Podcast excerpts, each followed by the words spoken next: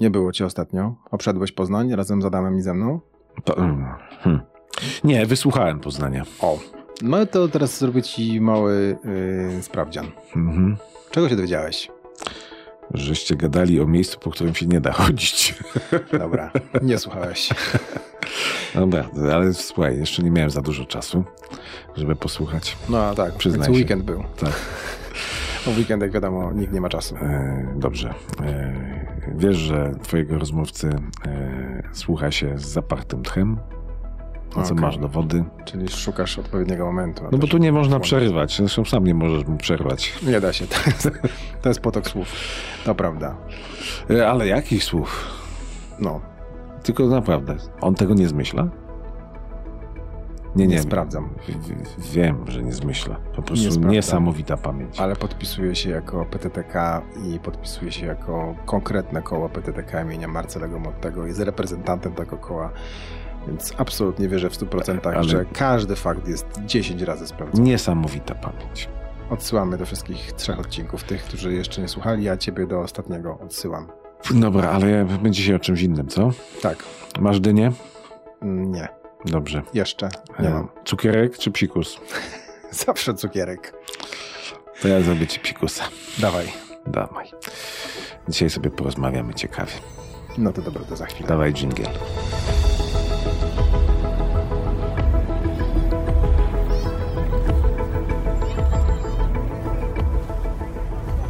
Nagranie i produkcja podcastu szumstudio.pl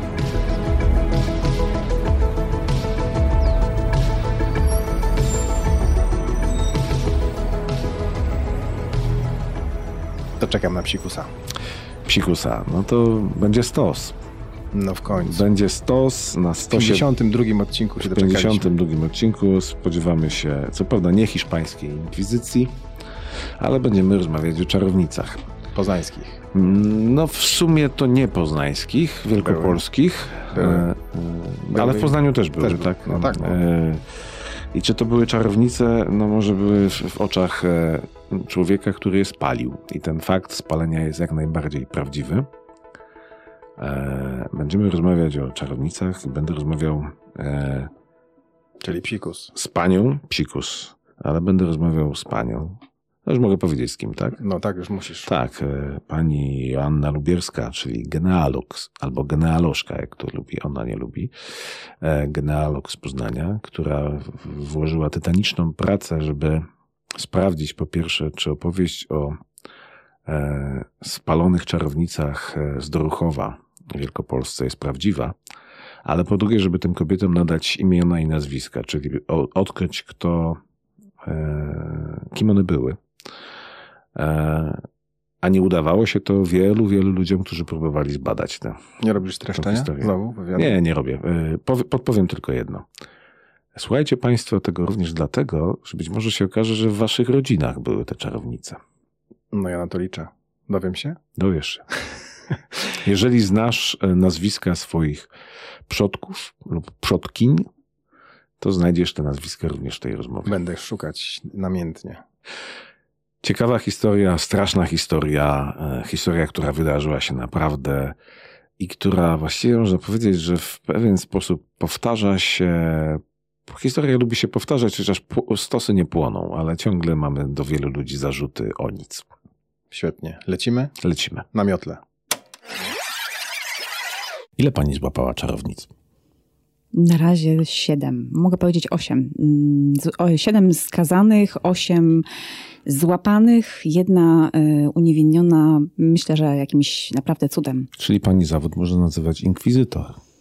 Mm, no tak, taki detektyw po prostu rodzinnej, rodzinnej, no rodzinnej też poniekąd historii. No, no dobra, rozmawiam z jedyną kobietą w e, Polsce chyba, która szuka czarownic. No właśnie to jest taki paradoks, bo ja ich w ogóle nie szukałam. Mm, natomiast one mi wpadły do ręki zupełnie przypadkowo w archiwum archidiecezjalnym. Mm, zawsze wiedziałam, że z tym doruchowem y, to jest jakaś taka niejasna sprawa, bo mm, trochę czytałam na ten temat. Musimy wytłumaczyć ludziom, o co chodzi z doruchowem. E, ale zanim do tego dojdziemy, to, to ja muszę jeszcze, jeszcze trochę pociągnąć. Dobrze. Jak się rozpoznaje czarownicę?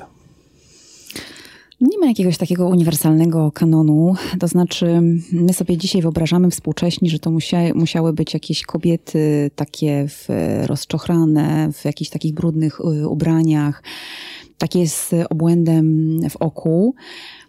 A przecież to mogły być kobiety, które się niczym wśród lokalnej społeczności nie wyróżniały. Ale zauważyłem w opowieściach pewien wyróżnik. Jaki?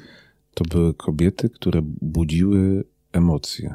Zawiść, niechęć. To taka tak, kobieta tak, tak stawała tak się czarownicą. Tak, tak mogły być. Zawiść, zazdrość, może jakieś niespełnione marzenia kogoś, kto je tam zadenuncjował, to myślę, że tak, że one nie były gdzieś tam e, obojętne i na pewno nie było to zawsze tak, że one mieszkały, tak jak my jesteśmy przyzwyczajeni na skraju lasu, w jakiejś chacie, zbierały zioła i rzucały uroki.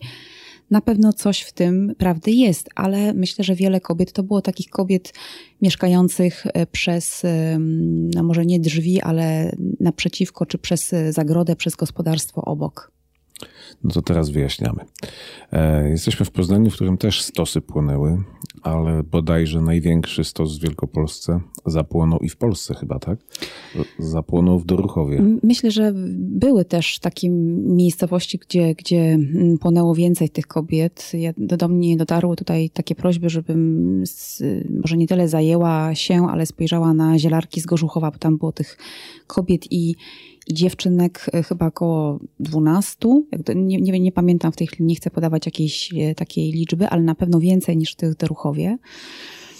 Także tu akurat w Doruchowie było ich 7, natomiast... A w opowieściach jest 14. 14, 14, dlatego że świadek tych wydarzeń, który spisał, e, naoczny świadek, jak on tak się nazwał, spisał te swoje mm, e, opowieści, to co pamiętał, te swoje wspomnienia. No nie wiemy, czy spisał je w roku 835, ale one wtedy się ukazały na łamach Przyjaciela Ludu.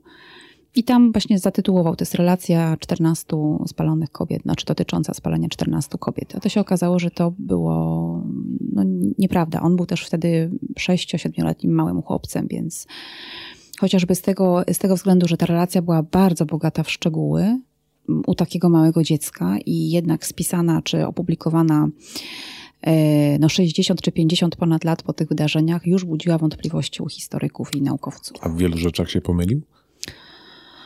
E, trudno jest tak do końca powiedzieć, ale na pewno no, nie pomylił się w kwestiach procesów. E, nie wiem, on też opisuje tortury, jakie im zadano, bo był jakimś małym chłopcem. Myślę, że to na pewno mogło na, na nim wywrzeć ogromne wrażenie. No, siedmiu czy ośmioletnie dziecko, czy sześcio, oglądające takie widoki, to na pewno nie pozostaje bez wpływu. Myślę, że bardzo wiele elementów y, jego relacji jest wiarygodnych, no ale oczywiście nie wszystkie. I dlatego to było takie kłopotliwe i problematyczne do udowodnienia, bo nie było żadnych dokumentów sądowych poza tą jego trzyodcinkową relacją, której jeszcze notabene nie podpisał. Dał inicjały swoje i nie było wiadomo, kto ją tak naprawdę napisał. Kto A pani żyje?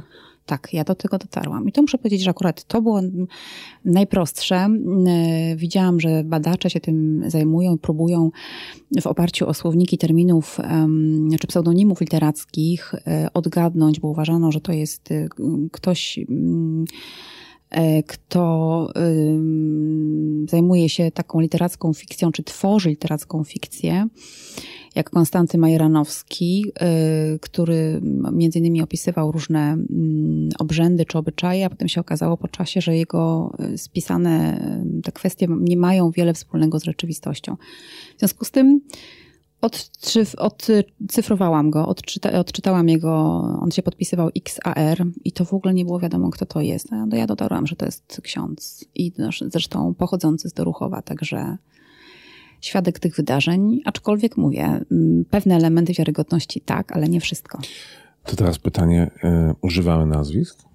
Tak, jak najbardziej. A to może być tak, że padną nazwiska ludzi, których potomkowie żyją w Doruchowie i Wielkopolsce i mogą nas słuchać? Ech, może tak być, aczkolwiek ja nie zajmowałam się osobami, które mm, zajmowałam się tylko samymi czarownicami, natomiast nie ich potomstwem i tymi losami późniejszych dzieci.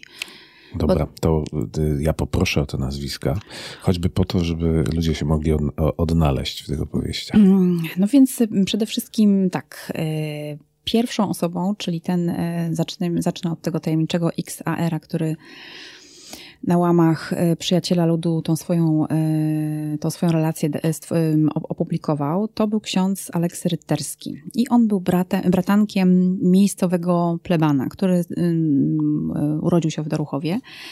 Jeżeli chodzi o inicjatora procesu, to Eustachy Skurzewski, który zresztą w 62 roku, 762 roku już te kobiety po raz pierwszy wysłał na stos. 1700. 1762 i potem w 1775 po raz drugi. I skutecznie tym razem. Wtedy też. A wtedy też? Wtedy też, tylko wtedy się dla tamtego procesu zachowały się e, dokumenty i on jest dosyć dobrze rozpoznany i udokumentowany w historiografii, natomiast ten drugi, właśnie dlatego, że nie było dokumentów, nie było nazwisk, właściwie nie wiadomo kiedy nawet ten proces był, e, to dlatego on był taki problematyczny do, do udowodnienia, że był albo że nie był. W opowieściach był bardzo wstydliwą historią chyba dla Doruchowa, bo e, tak. pytanie na ile one były prawdziwe, ale w opowieściach jest, że dziedziczka popadła w obłęd i tak dalej, i tak dalej. Tak, tak, tak. I, I, też były przekłamania dotyczące mm, inicjatora procesu, bo ja się spotkałam w, w literaturze z nazwiskiem dziedzica Stokowski e, i jego żona miała nazywać się z domu Rejczyńska, ale ja dosyć mocno księgi metrykalne, czyli księgi chrztów, ślubów i zgonów, przeczesywałam pod kątem występowania tego nazwiska i oni mi się tam w ogóle nie pojawiali. Ani jako chrzestni, ich dzieci nie zawierały tam związków małżeńskich.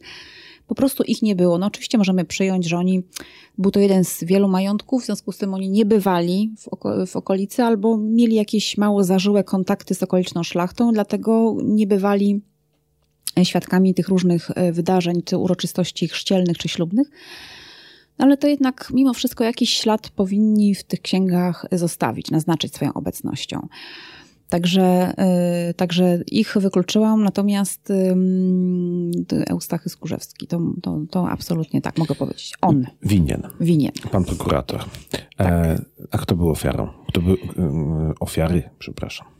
E, to było siedem kobiet i teraz tak, mm, tutaj trzeba powiedzieć, że mm, czterech kobiet, nazwisk czterech kobiet, nikt po tych 50 czy 60 prawie latach nie pamiętał, niestety. No to zatarło, ale oni, mieszkańcy Doruchowa w roku 1828, to może, może zacznę inaczej arcybiskup Wolicki wymyślił sobie, czy miał taki, taki pomysł zebrania e, informacji o e, parafiach w, w podległej mu diecezji. Wysłał w roku 1828 do wszystkich e, plebanów, wikariuszy i rządców parafii taką ankietę, którą przygotował, czy przygotowali jego pracownicy, dziewięć pytań i tam jedno pytanie było takie, oczywiście tam pytał o stan ludności, o moralność parafii, o liczbę ludzi, o porządek nabożeństw, takie rzeczy. Ale jedno pytanie było takie bardzo interesujące. On chciał wiedzieć, czy w księgach metrykalnych, y, które wtedy nie tylko służyły do rejestracji wiernych, ale też miały takie, taki spełniały dla niektórych charakter kronik parafialnych, bo papier był drogi, do miasta było daleko, w związku z tym trzeba było to, co jest pod ręką, wykorzystać. I sporo notatek takich się trafia ciekawych, więc on chciał wiedzieć, czy coś się w tych księgach metrykalnych zdarza. Są jakieś informacje ciekawe dotyczące historii świata, Europy czy, czy takiego regionu. Kościół miał zawsze dobre dane. Tak, zgadza się. Mm, no i teraz część oczywiście proboszczów do tego podeszła bardzo poważnie. Spisywali tam wszystko, co, co, co, co im wiadomo. Natomiast część tak na zasadzie takiego nie, nic nie ma, ludzie nic nie mówią, nie ma żadnych informacji. Teraz to jest też ważne, że Wolicki, arcybiskup, pochodził z Doruchowa. On się w tej parafii po prostu urodził. Czyli plotki tym, musiał słyszeć. Pewnie tak. I dlatego ksiądz, który spisywał na jego polecenie w roku 828, wypełniał taką ankietę, podszedł do tego zadania naprawdę serio. Po Bożemu. Wziął, po Bożemu. Wziął miejscową ludność, wziął ich tam pewnie na, na plebanie i zaczął ich wypytywać, co im wiadomo. I on, jak dobrze pamiętam, swoje, swoją, e, swoje, swoją relację zaczął od słów do ruchów, był e, sławny paleniem czarownic. I o pierwszym paleniu to już nikt nie pamięta, ale była pamięć, że było. Natomiast o drugim paleniu mm, ludzie opowiadają i tu następuje cała taka relacja, łącznie z wymienieniem świadków. Czyli tak, mamy rok 1775. Mhm. E, płonie stos. Według opowieści e, pierwszą i najważniejszą czarownicą, jaka się pojawiła na tym stosie, była pani Dobra. Prawdziwe tak. nazwisko? E, no właśnie, ja jej tutaj nie mm, rozebrałam te kobiety, które mm, w tym, rozebrałam tak oczywiście mówię pod kątem genealogicznym w roku, te z relacji z 1835 i te z tej relacji, które wymienia ksiądz Lewandowski 7 lat wcześniej, tym w 1828 roku. I on tam wymienia zupełnie inne kobiety. To znaczy inne, no dobrej jako takiej nie wymienia. On podaje Magdalena Skankowskich-Gruchociakowa. I to była na pewno kobieta, która spłonęła. Razem z nią była uwięziona mm, Petronela Markiewicz. Przypuszczam, że to była jej siostra. One miały to same nazwisko, to samo, to samo nazwisko rodowe, aczkolwiek aktu y, chrztu jednej nie odnalazłam. I tą pani Wolicka, matka późniejszego arcybiskupa, uwolniła. Za jej wstawiennictwem e, ją uwolniono.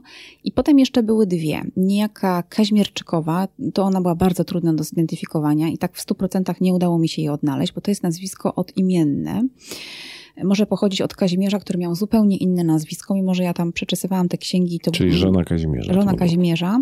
I druga, i trzecia, czy czwarta to była Więckowska e, Pastuszyna, tak się ją określa, czyli jakaś pasterka młoda, która wypasała bydło.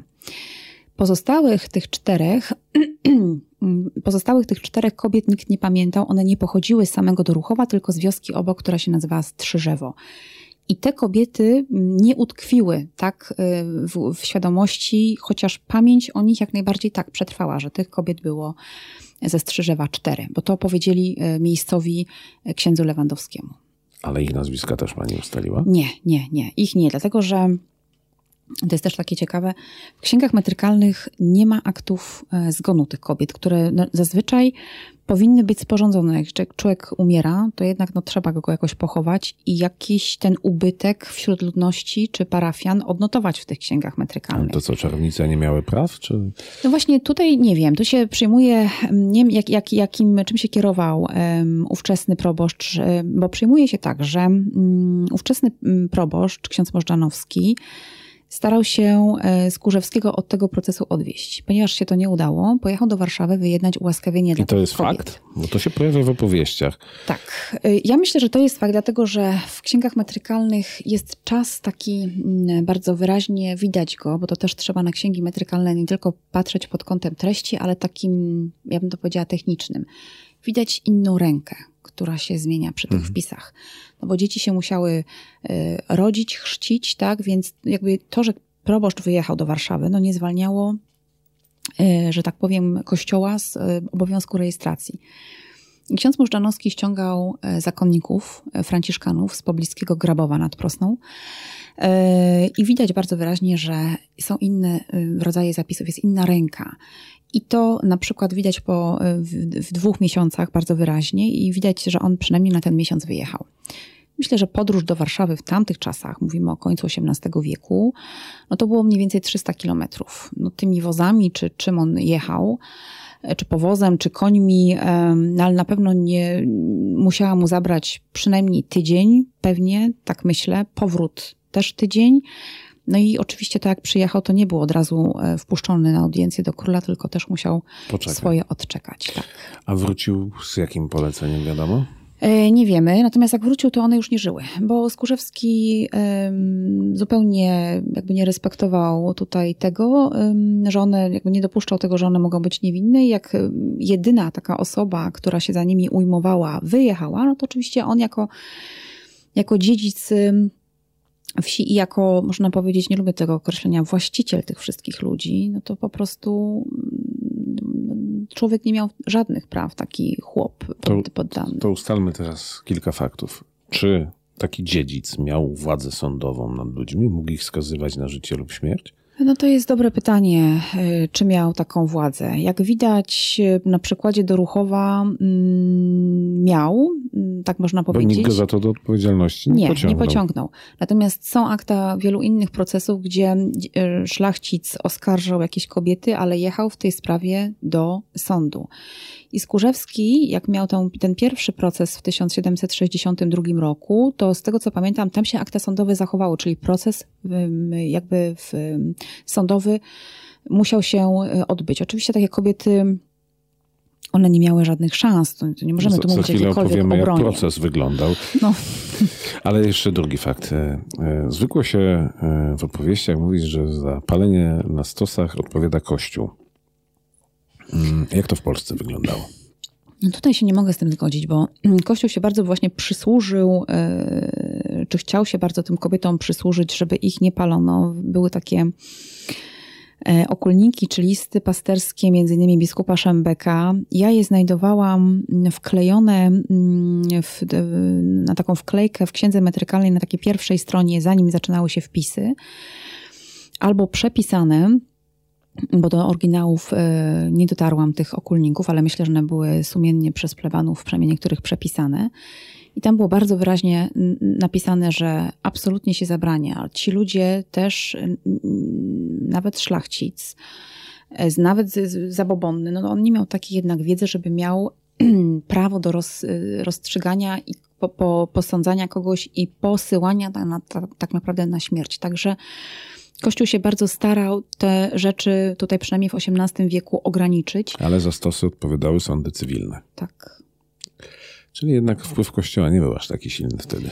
To znaczy, spotkałam się gdzieś z taką, e, z takim, z taką informacją, że do prostego ludu y, znacznie bardziej przemawiała y, działalność ich lokalnego plebana niż wszystkie listy pasterskie i okulniki biskupów no, siedzących w swoich y, pięknych rezydencjach i nie znających y, realiów życia na wsi. Ale wychodzi na to, że w Doruchowie był światły pleban, bo to nie on oskarżał. Tak, tak. On no chciał on, ratować. Tak, on chciał je ratować, tak, i pojechał. No i zda, ale zdarzył się nieświatły dziedzic. Jak wyglądał proces? No. Jak wyglądały w ogóle procesy? Bo w Doruchowie to chyba nawet o, o próbie procesu nie można mówić. Nie można mówić o próbie procesu, bo tam e, po prostu je złapano. Z tego, co e, tutaj pisze e, ten ksiądz Rytterski w Przyjacielu Ludu i potem w jakiś sposób też ksiądz Lewandowski to potwierdza. Złapano je oczywiście i uwięziono e, w spichlerzu, który był częścią budynków dworskich należących do, do folwarku czy do dworu w Doruchowie. Tam zrobiono taką w tym spichlerzu, można powiedzieć, prowizoryczną izbę tortur i salę przesłuchań. No bo to oczywiście było z tym powiązane. E, one, na pewno wiadomo, że poddano je próbie e, pławienia, czyli wrzucono je, to była taka próba, która polegała na tym, że się wrzucało kobietę e, do, mm, do wody i teraz się patrzyło, czy ona tonie. Jak utonęła, to niewinna. Mm, no, niewinna, tak właśnie. A jak, utonę, a jak nie utonęła, bo miała przecież, trzeba pamiętać, że te kobiety miały ileś warstw tych rzeczy, tej odzieży wierzchniej na sobie, ileś tych sukienek, czy tych spódnic bardziej, można tak powiedzieć, halek i, i tej bielizny, no to oczywiście, to, co by nie, się nie zdarzyło, to dla niej było źle. Pan Bóg rozsądzi, kto, tak, kto winny, tak, niewinny. Tak, tak, tak, o właśnie. Czyli, tak. czyli y, generalnie przypadki, kiedy proces skończył się e, szczęśliwie dla oskarżonych, zdarzały się rzadko. E, bardzo rzadko. E, ja się na, nasz dziwię, że oni się zgodzili na to, żeby tą jedną kobietę, żeby pani Wolicka ją e, uratowała. A co tam się stało takiego, że ją uratowała? Ta jedna z tych kobiet, czyli ta, jak dobrze pamiętam, Petronela Markiewiczowa, miała maleńkie dzieci i trzeba je było jeszcze karmić piersią. W związku z tym mąż tej, tej kobiety zaniósł to, to, to dziecko do tego spichlerza, żeby je nakarmić. Mm, no ale oczywiście no, jednorazowa kwestia nakarmienia dziecka no, nie załatwiła tego, że ono mm, potrzebowało tej matki, potrzebowało tego pożywienia. Natomiast y, mm, tak się stało, że pani Wolicka, nie wiem, czy ona dotarły do niej te, te echa tych wydarzeń, czy ktoś do niej poszedł, tego się już nie dowiemy, ale ona się wstawiła za, y, u, u Skórzewskiego. To jest taka ciekawa rzecz, którą też zupełnie niedawno odkryłam. Pani Wolicka nazywała się z domu Wiesiołowska żona Skórzewskiego też była Wiesiołowska. To były A. siostry. To były siostry. I teraz proszę sobie wyobrazić jaki paradoks. Jedna jest żoną tego, który posyła kobiety na śmierć, a druga próbuje je ratować. E, wieść gminna, gminna, no tak, w Doruchowie gminna, głosi, że ta jedna była wręcz winna tej śmierci, bo wszystko miało się zacząć od Od Kołtuna, Kołtuna, chociaż ja już nawet nie wiem, czy, czy w tym jest e, prawda, dlatego że ksiądz Lewandowski, jak w tym 828 roku pisał tą swoją relację, to on z, z Kurzewskiego e, scharakteryzował, że to był wielki zabobonnik, że on kazał do kogutów strzelać, bo mu deszcz rozganiały, kazał e, proboszczowi wodę święcić w stawie. Wynikało z tego, że Doruchów był wtedy, być może tak było, oczywiście dotknięty suszami i on po prostu bardzo chciał, żeby ten deszcz był. No, y, wie pan, człowiek, który jest, ma taki ciasny umysł, jest taki zabobonny, no to oczywiście nie będzie myślał w żaden sposób racjonalnie, a w związku z tym no, kogoś trzeba obwinić. Jeszcze tą swoją złość i frustrację w jakikolwiek sposób wyładować, no na kim można? No, na, na tych kobietach, które w żaden sposób się nie mogły obronić. Yy, I zwracam jeszcze uwagę, że bardzo niewiele było procesów o czary, y, gdzie mężczyzn. mężczyzn. To jakaś, był jakiś ułamek, oczywiście one też się zdarzały, bardziej miały związek z charakterem może ich pracy. Natomiast y, o kobietach y, jako czarownicach, no nie mówimy o czarownikach czy czarodziejach, nawet trudno to jakoś tak wymówić, ale o czarownicach już owszem tak. Czyli co, obywatele drugiej kategorii? Kobiety niewątpliwie w tamtych czasach tak. No, ciekawe, czy coś się zmieniło. E, no dobrze, ale mówimy o kobietach, które, których nikt nie przyłapał na lataniu na miotle, mm-hmm. e, jakby chciała dzisiejsza filmografia. E, nie wywabiały e, szatana z, z lustra, Nie. tylko tam zarzuty były właśnie takie. Dziedziczce zrobił się kołtun we włosach, bo ich nie myła, ale oskarżyć można było o czary, tak. o czary jakiejś kobiety. Nie było deszczu, to można było o czary oskarżyć jakieś kobiety. Tak, krowy padły, albo kury nie dawały jaj, przestawały y, y, nieść jajka, albo był jakiś pomór bydła, albo jakaś choroba wśród zwierząt i też najłatwiej było o to obwinić kobietę. To wolne. Jakąś. Tak, tak tak. E, pytałem o to już. Był jakiś klucz wyboru?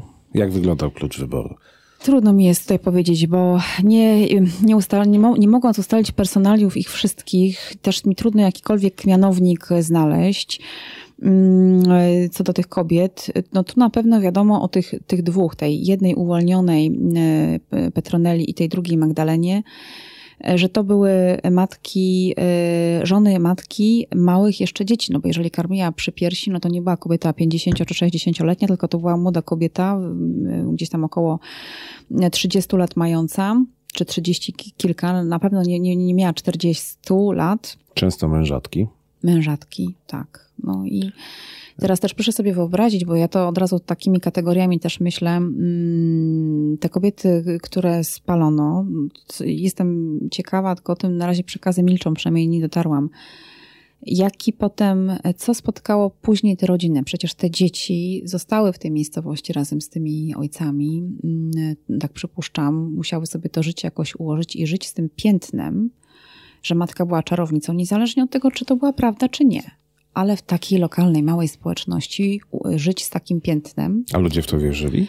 Tak, oczywiście. No, y, prosty lud y, to był też lud zabobonny, bardzo taki religijny, też bardzo łatwy do manipulowania, y, więc można było po prostu wmówić takiemu prostemu ludowi wszystko. A rodziny w to wierzyły? No, myślę, że wiele osób. Bo tak mnie zastanawia w tej całej sytuacji. Mówimy o kobietach, które nie były gdzieś tam potarganymi wiedź, nie, wiedźmami, nie, które nie. żyły w lesie, tylko mężatki. Gdzie byli mężowie w tej całej sytuacji? No on też jako poddany nie miał zbyt wielu praw tak naprawdę i musiał mm, na tyle być pewnie ostrożny, żeby te dzieci nie straciły też tego, tego, y, tego ojca swojego. No, w tym momencie zostawał jedyną, znaczy był żywicielem rodziny głową, ale oczywiście no, po stracie matki, no matka to zawsze jest matka, ojciec jest ojciec i żaden z rodziców nie zastąpi tego drugiego. Także myślę, że oni też y, musieli być bardzo ostrożni w tych swoich działaniach, a poza tym to jest tak, jak się ogląda różnego rodzaju filmy czy inscenizacje, gdzie właśnie chłop nie miał żadnych praw. Można było sprzedawać go. Kiedyś czytałam, przeglądałam książkę Handel chłopami. Powiem panu, że przygnębiające wrażenie robiło na mnie kwestie sprzedaży, handlu chłopami.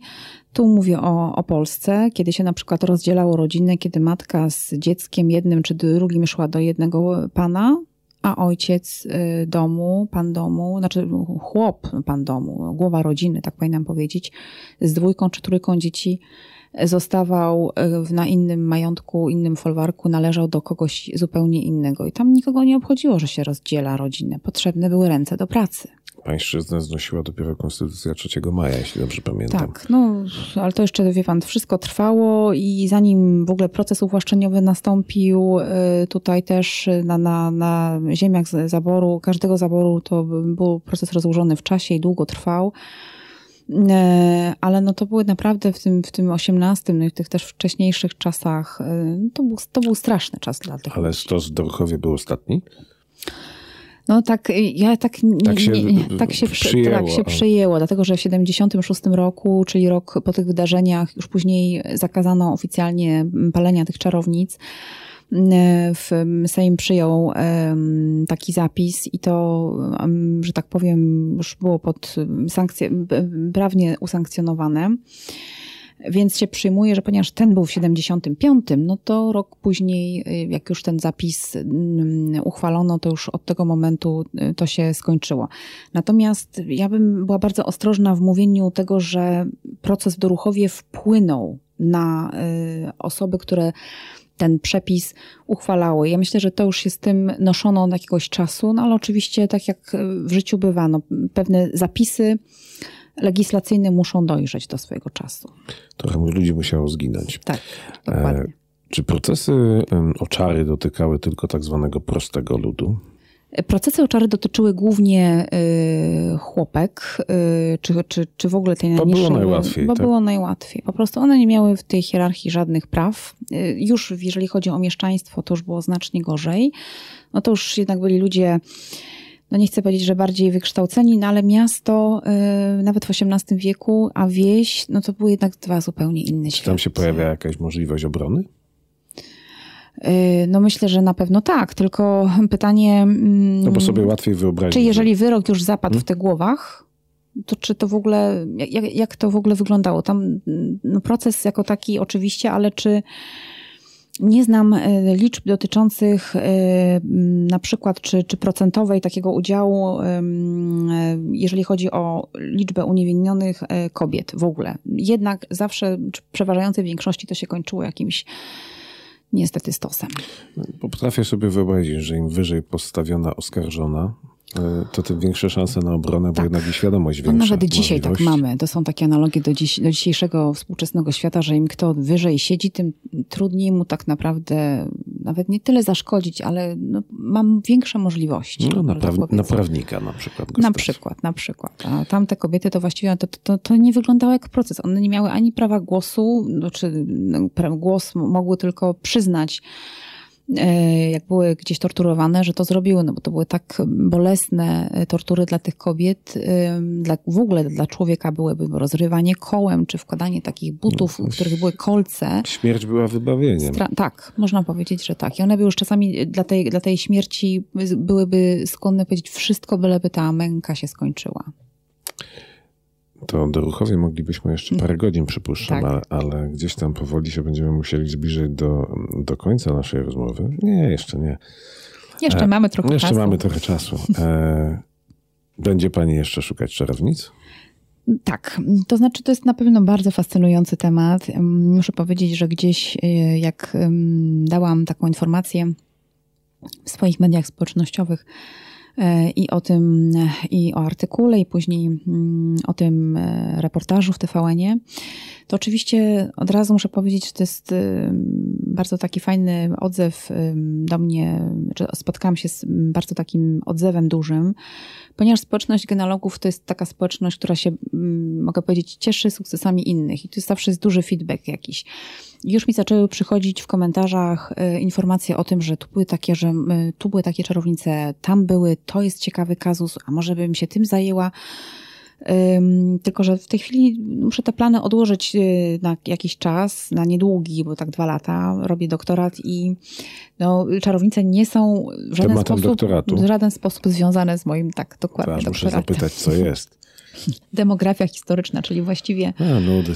No, nudy, nudy. No, przy czarownicach można powiedzieć, że tak, one są niewątpliwie o wiele bardziej fascynujące, zwłaszcza, że mam kolegę, który pracę doktorską swoją obronił, e, pisząc o czarownicach z Kleczewa i całą swoją pracę doktorską poświęcił temu e, jednemu przypadkowi. Także muszę powiedzieć, że, że można z tego zrobić coś e, dobrego, naukowego, medialnego i nie tylko. No i jest to teraz taki temat akurat też na czasie. Także. A potencjalni potomkowie rodziny czarownic się do pani już zgłaszają? No jeszcze nie. Musiałabym... Nazwiska nie utknęły. Nie, to może powtórzmy. Była Gruchociakowa, tak, i Markiewicz, ale także Więckowska i, Kaźmier, i Kaźmierzowa.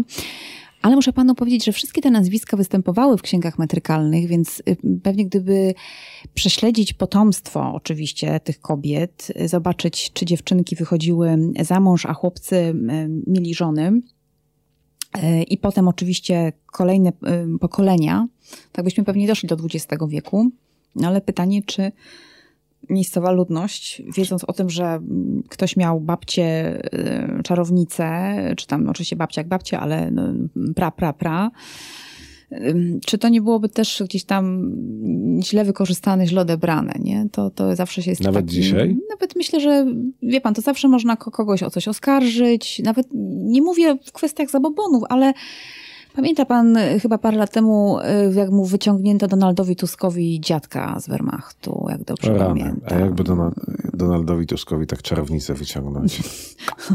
Już przeciwnik ma jakąś kartę przetargową. Chyba, ale chyba nie byłby poważny w dzisiejszych czasach wyciągając czarownicę. No nie, ale to zawsze jakoś można kogoś ośmieszyć, upokorzyć. Wie pan, taką mu nawet, mówię, mówię krzywdę o, o, takim znaczeniu. A nie? gdyby inkwizytora w rodzinie komuś wyciągnął? O, to by dopiero było, to lepiej. Nie wiem, czy to jest y, dobry pomysł jednak dochodzić do, do, do współczesności. Zostawmy tam ten Nie, ja się, ja się tak śmieję, że nikt poważny nie zarzuciłby komuś y, posiadania czarownicy w rodzinie, ale z drugiej strony do dziś pewne zachowania, takie odganiające czary przetrwały. Czerwona wstążeczka tu, jakieś tam rzucanie e, soli za, za ramię i tak dalej. Powiem panu, że ja mam przyjaciela takiego serdecznego, e, którego, e, tu Kuba cię pozdrawiam, mm, który mieszka pod Kaliszem, mieszkał pod Kaliszem i muszę panu powiedzieć, że tam cały czas kwestie czarownic, mówimy o XXI wieku, i o końcu XX wieku są bardzo żywe.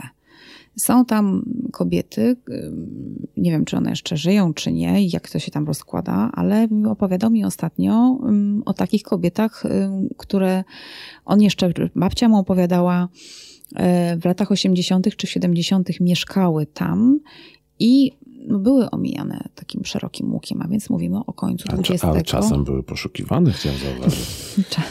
nie, nie, ja mówię z własnego doświadczenia. Tak. Moja redakcja kiedyś opublikowała dawno, dawno temu tekst o Szeptucha to się nazywa. Szeptucha. Szeptucha. ale one są na wschodzie. Tak, one do dzisiaj bardziej... dostajemy listy ludzi, którzy poszukują tej konkretnej szeptuchy, tak, żeby pomogła. Tak, tylko one się tym różniły, że czarownica mogła rzucać oczywiście uroki, e, rzucała albo nie, bo w zależności od tego, czy była faktycznie czarownicą, czy nie. A szeptuchy to się przychodzi z problemem i ona szepcze, nie? Te, te, te modlitwy jednak. No jedno e, wychodzi chyba, metoda się No, różni. ale one są u nas w Wielkopolsce szeptucha, czy czasami też szeptunka nie funkcjonuje. Natomiast gdzieś tam e, na tej ścianie wschodniej, tak, to cały czas gdzieś tam one mieszkają w tych, w tych domkach. Nawet kiedyś czytam reportaż, ludzie z Warszawy przyjeżdżają już bez nadziei, bo lekarze rozkładają ręce, oni jadą gdzieś tam na wschód, znajdują taką panią e, właśnie i ona potem, mm, że tak powiem, szepcze za nich te, te modlitwy. Jak ktoś już tak naukowo się zagłębi w poszukiwanie tych czarownic, to nie przechodzi taka myśl czasami, e, wiara w to, że rzeczywiście coś nadprzyrodzonego istnieje? E, myślę, że niektóre osoby mogą mieć takie skłonności, mogą sobie e, nawet z tego nie zdawać sprawy. Powiem panu, że mi się w tym Dorochowie przytrafiła taka, taka rzecz. Ja jestem jednak taka racjonalna kobieta, dosyć twardo stępująca e, po ziemi, aczkolwiek w niektórych aspektach marzycielka. Ale nie to jest tutaj istotne. Ekipa już się postanowiła zwijać z tego miejsca, bo kręciliśmy mm, wywiady mm, z byłym i z obecną panią dyrektor ośrodka gminnego. Tam się porozstawialiśmy w takiej izbie pamięci i powiem tak, już jest koniec tych nagrań, ekipa się zwija. E, na początku tych nagrań przyniesiono nam e, kawę do picia, e, żebyśmy mogli sobie wypić i jakieś ciasto. No i to tak stało wszystko z boku. Nikogo tam nie było. Proszę sobie wyobrazić, że moja filiżanka razem z tym spotkiem spadły. Po prostu z tego stołu. Nie rozbiły się, ale one spadły. Oczywiście tam raz, o tutaj czarownica. Być może tak gdzieś nam nas otacza takim, takim dobrym, e, dobrym spojrzeniem, no bo wreszcie została e, ujawniona i w jakiś sposób oczyszczona, przywrócono jej imię i nazwisko, albo im, jeżeli tutaj będziemy mówić o liczbie mnogiej. Także mm, to akurat jest takie zdarzenie, można je odczytać tak albo inaczej, ale myślę, że są osoby, które mają takie nadprzyrodzone zdolności. Tylko często się spotkałam z, spotykałam z takim stwierdzeniem, że to potrafi być bardziej przekleństwem niż darem. A to no. Każdy kij ma dwa końce. Zależy, jak na to spojrzeć. Albo po prostu jeszcze nauka nie objęła tego swoim zasięgiem. E, nie byłbym sobą, ale Honelander. No wydaje mi się, że to jest temat na osobną rozmowę. E, po pierwsze, nie mam mówić genealożka, tak, tylko genealog. Przynajmniej jeżeli chodzi w odniesieniu do mnie, tak, bo ja to powtarzam zawsze, że ja nie muszę udowadniać swojej kobiecości przez stosowanie feminatywów i chciałabym mieć wybór, e, czy jestem, czy tak określam się tak, a nie inaczej, a nie jak obecny czas e, od jakiegoś tam, od, od, od kilku lat, e, narzuca mi się to, tak, że, że mm, trzeba stosować te formy żeńskie, bo przecież kobiety kiedyś nie, nie miały takiej możliwości. Ja chcę mieć wybór. To mi po prostu daje, możliwość wyboru daje mi poczucie wolności. Nie chcę być wszędzie mm, tak grzecznie traktowana jako genealożka. Ja zawsze mówię, ja jestem genealogiem. Po prostu, kobietą genealogiem. Każdy po głosie i po tym, jak wyglądam, nie będzie miał wątpliwości, że jestem kobietą.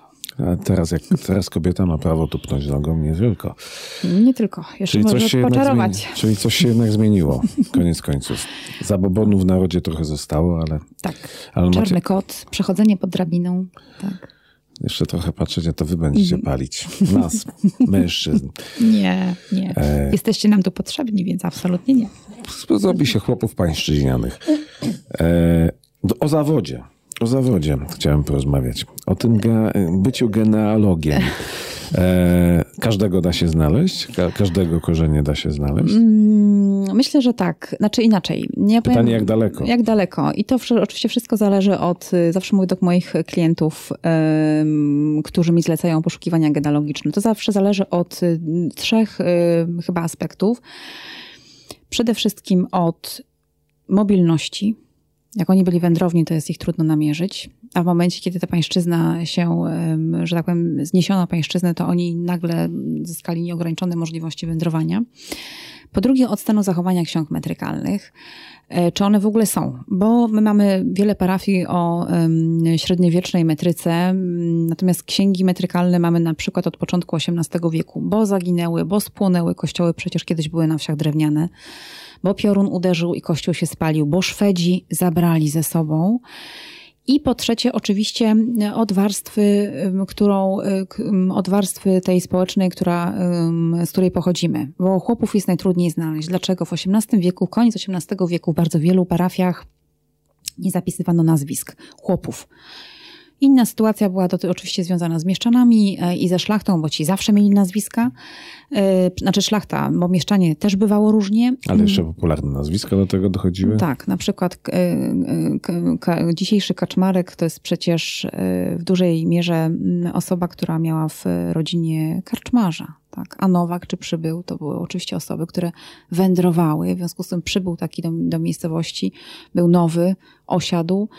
Mm, I to było y, takie, to jest trudne do zidentyfikowania. Ja jeszcze powiem jedną rzecz na koniec. W Wielkopolsce jest tak, że u nas tylko w pewnych regionach było duże przywiązanie do ziemi. Tak jak ja kiedyś badałam korzenie, że robiłam drzewo znajomemu gdzieś tam z rejonu Stanisława na Ukrainie, w Ukrainie dzisiejszej, to powiem, mm, że tam bez żadnego, że bez żadnych przeszkód dotarła mu rodzina była chłopska do początku XVIII wieku, bo oni wszyscy siedzieli mocno rozrodzeni na tych drobnych swoich cząstkach tej ziemi.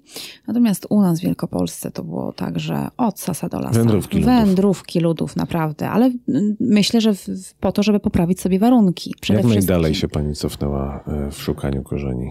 XVII... Do Adama i Ewy się nie Nie, udało. nie, nie. XVII wiek, ale jeżeli chodzi o szlachtę, to, mm, to był koniec XV wieku, jak dobrze pamiętam. Mm, ale to są już naprawdę takie poszukiwania trudne, skomplikowane, bo w dużej mierze księgi metrykalne w pewnym momencie się kończą, albo inaczej powiem, zaczynają dopiero i nie ma wcześniejszych yy, ksiąg. Czy, czy jak ktoś mówi, że pochodzi od Jagiełły, to można to między bajki wsadzić. Albo od Mieszka pierwszego też takie, słyszałam takie i jeszcze jak mi ktoś mówi, że ma to udokumentowane. No, chciałabym, już nawet nie wchodzę w dyskusję w jaki sposób na wołowej skórze. No. Ale dobra, to w takim razie kilku moich znajomych będzie musiało się wycofać ze swoich opowieści. Ale powiem panu, że praca jest super, bo takie tropienie jest nawet przyjemniejsze niż samo znalezienie. To już potem jak człowiek... Tak, oczywiście. A człowiek się chyba kataru może od tych ksiąg nabawić. Mm, przez pierwsze jakieś parę miesięcy, jak zaczęłam pracować na co dzień z księgami metrykalnymi, a mówię o księgach XVIII-wiecznych i starszych i też tych XIX-wiecznych, jak się otwierało księgi, szłam do magazynu, brałam księgę, wyciągałam ten oryginał, to nieustannie kurz. Oczywiście kurz, grzyb, y, one są nieustannie też poddawane konserwacji, no ale wiadomo, że mm, no to się i są, magazyny są w, w ciemnościach ze stałą taką temperaturą, ze stałym poziomem wilgotności, y, ale miałam przez chyba dwa czy trzy miesiące walczyłam z nieustającym zapaleniem spojówek z takim ciągłym. Ale przeszło, przeszło. Każdy może to robić, czy jednak jeżeli chce się swoje korzenie odnaleźć, to lepiej to w ręce fachowca oddać? Y, może to robić oczywiście każdy, ale potrzebny jest i upór, i myślę pewna wiedza, której na początku zupełnie nie mamy. Każdy z nas gdzieś tam zaczynał, z nas, genealogów, z tego środowiska genealogicznego, zaczynał od swojej rodziny. I ja oczywiście, jak sobie pomyślę, że zaczynam jeszcze w tamtym wieku y, poszukiwania swoje genealogiczne, bo tak to trzeba powiedzieć, to byłam kompletnie zielona. Wydawało mi się, że jak znajdę osobę w księdze, to to już jakbym Pana Boga za nogi chwyciła, ale później w miarę upływu czasu przeglądania setek e, ksiąg, setek parafii z różnych e, lat, no człowiek im dłużej szuka, tym nabiera większej pokory po prostu. Tak, bo może się okazać, że pójdzie się zupełnie innym tropem. Tak, tak. tak. A to jest wcale nie, nie jest taka e, nie jest taka rzadka sytuacja, powiem panu, bo myśmy tutaj w Wielkopolsce w ogóle mieli, myślę, że w, w, w zaborze rosyjskim na pewno też to miało miejsce, ale żeby nam jeszcze trochę utrudnić, powiem na koniec, że bywało w Wielkopolsce tak, że w, zwłaszcza mówię o XVIII wieku, nie, nazwisko nie przechodziło z ojca na syna, czy, czy, czy z rodzica na dziecko, tak? ale dziedziczyło się je również po miejscu prowadzenia gospodarstwa. Czyli teraz niech pan sobie wyobrazi, że pan bierze żonę, pan się do niej wprowadza, do jej gospodarstwa, do jej chałupy, E, no ale ponieważ od lat mieszkają tam e, rodzina żony o określonym nazwisku, to nikt sobie nie zawraca głowy, żeby żonę nazywać pana nazwiskiem, tylko pan przejmuje ich nazwisko. I jak rodzą wam się dzieci, to w księdze metrykalnej ksiądz je zapisuje z nazwiskiem panieńskim żony, a nie pana. No to widzę, że zwyczaje pozostały do dzisiaj, bo dzieci sąsiadów e, nadały mi nazwisko pochodzące od imienia mojego syna. Mhm. No proszę. Nic, nic się nie zmienia. Nic się nie zmienia. Proszę. Historia zatacza koło. No właśnie, czyli tak, e, o genealogii, Boże, czy ja to dobrze powiedziałem? Genealogia, genealogia, tak, to jest bardzo e, proste e, słowo. Nie wiem, dlaczego dzisiaj mam problem z tym słowem.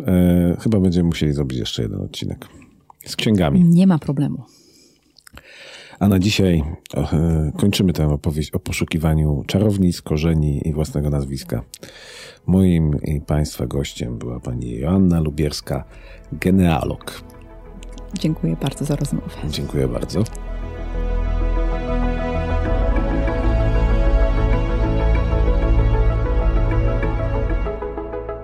Proszę Państwa, to był 52 odcinek podcastu z Poznania, który nazywa się Druga Wersja. I którego twórcami jesteśmy my, tak. niezmiennie. Leszek Waligura Michał Czajka. Nic się nie zmienia.